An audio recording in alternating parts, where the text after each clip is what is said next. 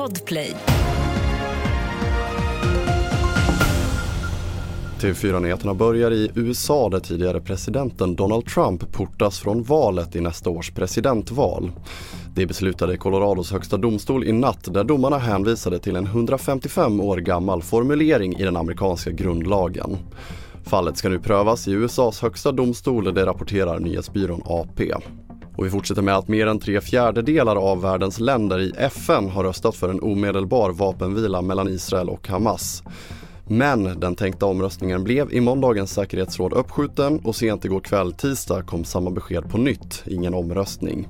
Anledningen till förseningen är att medlemmarna i säkerhetsrådet är oense om formuleringarna i det förslag som lagts fram av Förenade Arabemiraten. Sky News rapporterar att ett nytt försök ska göras idag. Och vi avslutar med en anmälan till IVO, Inspektionen för vård och omsorg enligt lex Maria. Det var mitt under en pågående prio 1-körning med en hjärtsjuk patient i bilen som en ambulansförare genomförde sitt skiftbyte.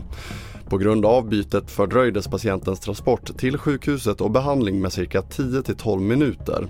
Händelsen har alltså anmälts till IVO och även föraren kommer att anmälas, det skriver Region Västernorrland i ett pressmeddelande. Fler nyheter hittar du på tv4.se. I studion André Metenen Persson.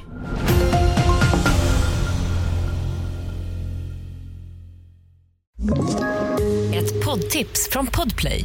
I fallen jag aldrig glömmer djupdyker Hasse Aro i arbetet bakom några av Sveriges mest uppseendeväckande brottsutredningar går vi in med hemlig telefonavlyssning och, och då upplever vi att vi får en total förändring av hans beteende. Vad är det som händer nu? Vem är det som läcker? Och så säger han att jag är kriminell, jag har varit kriminell i hela mitt liv men att mörda ett barn, där går min gräns. Nya säsongen av Fallen jag aldrig glömmer på Podplay.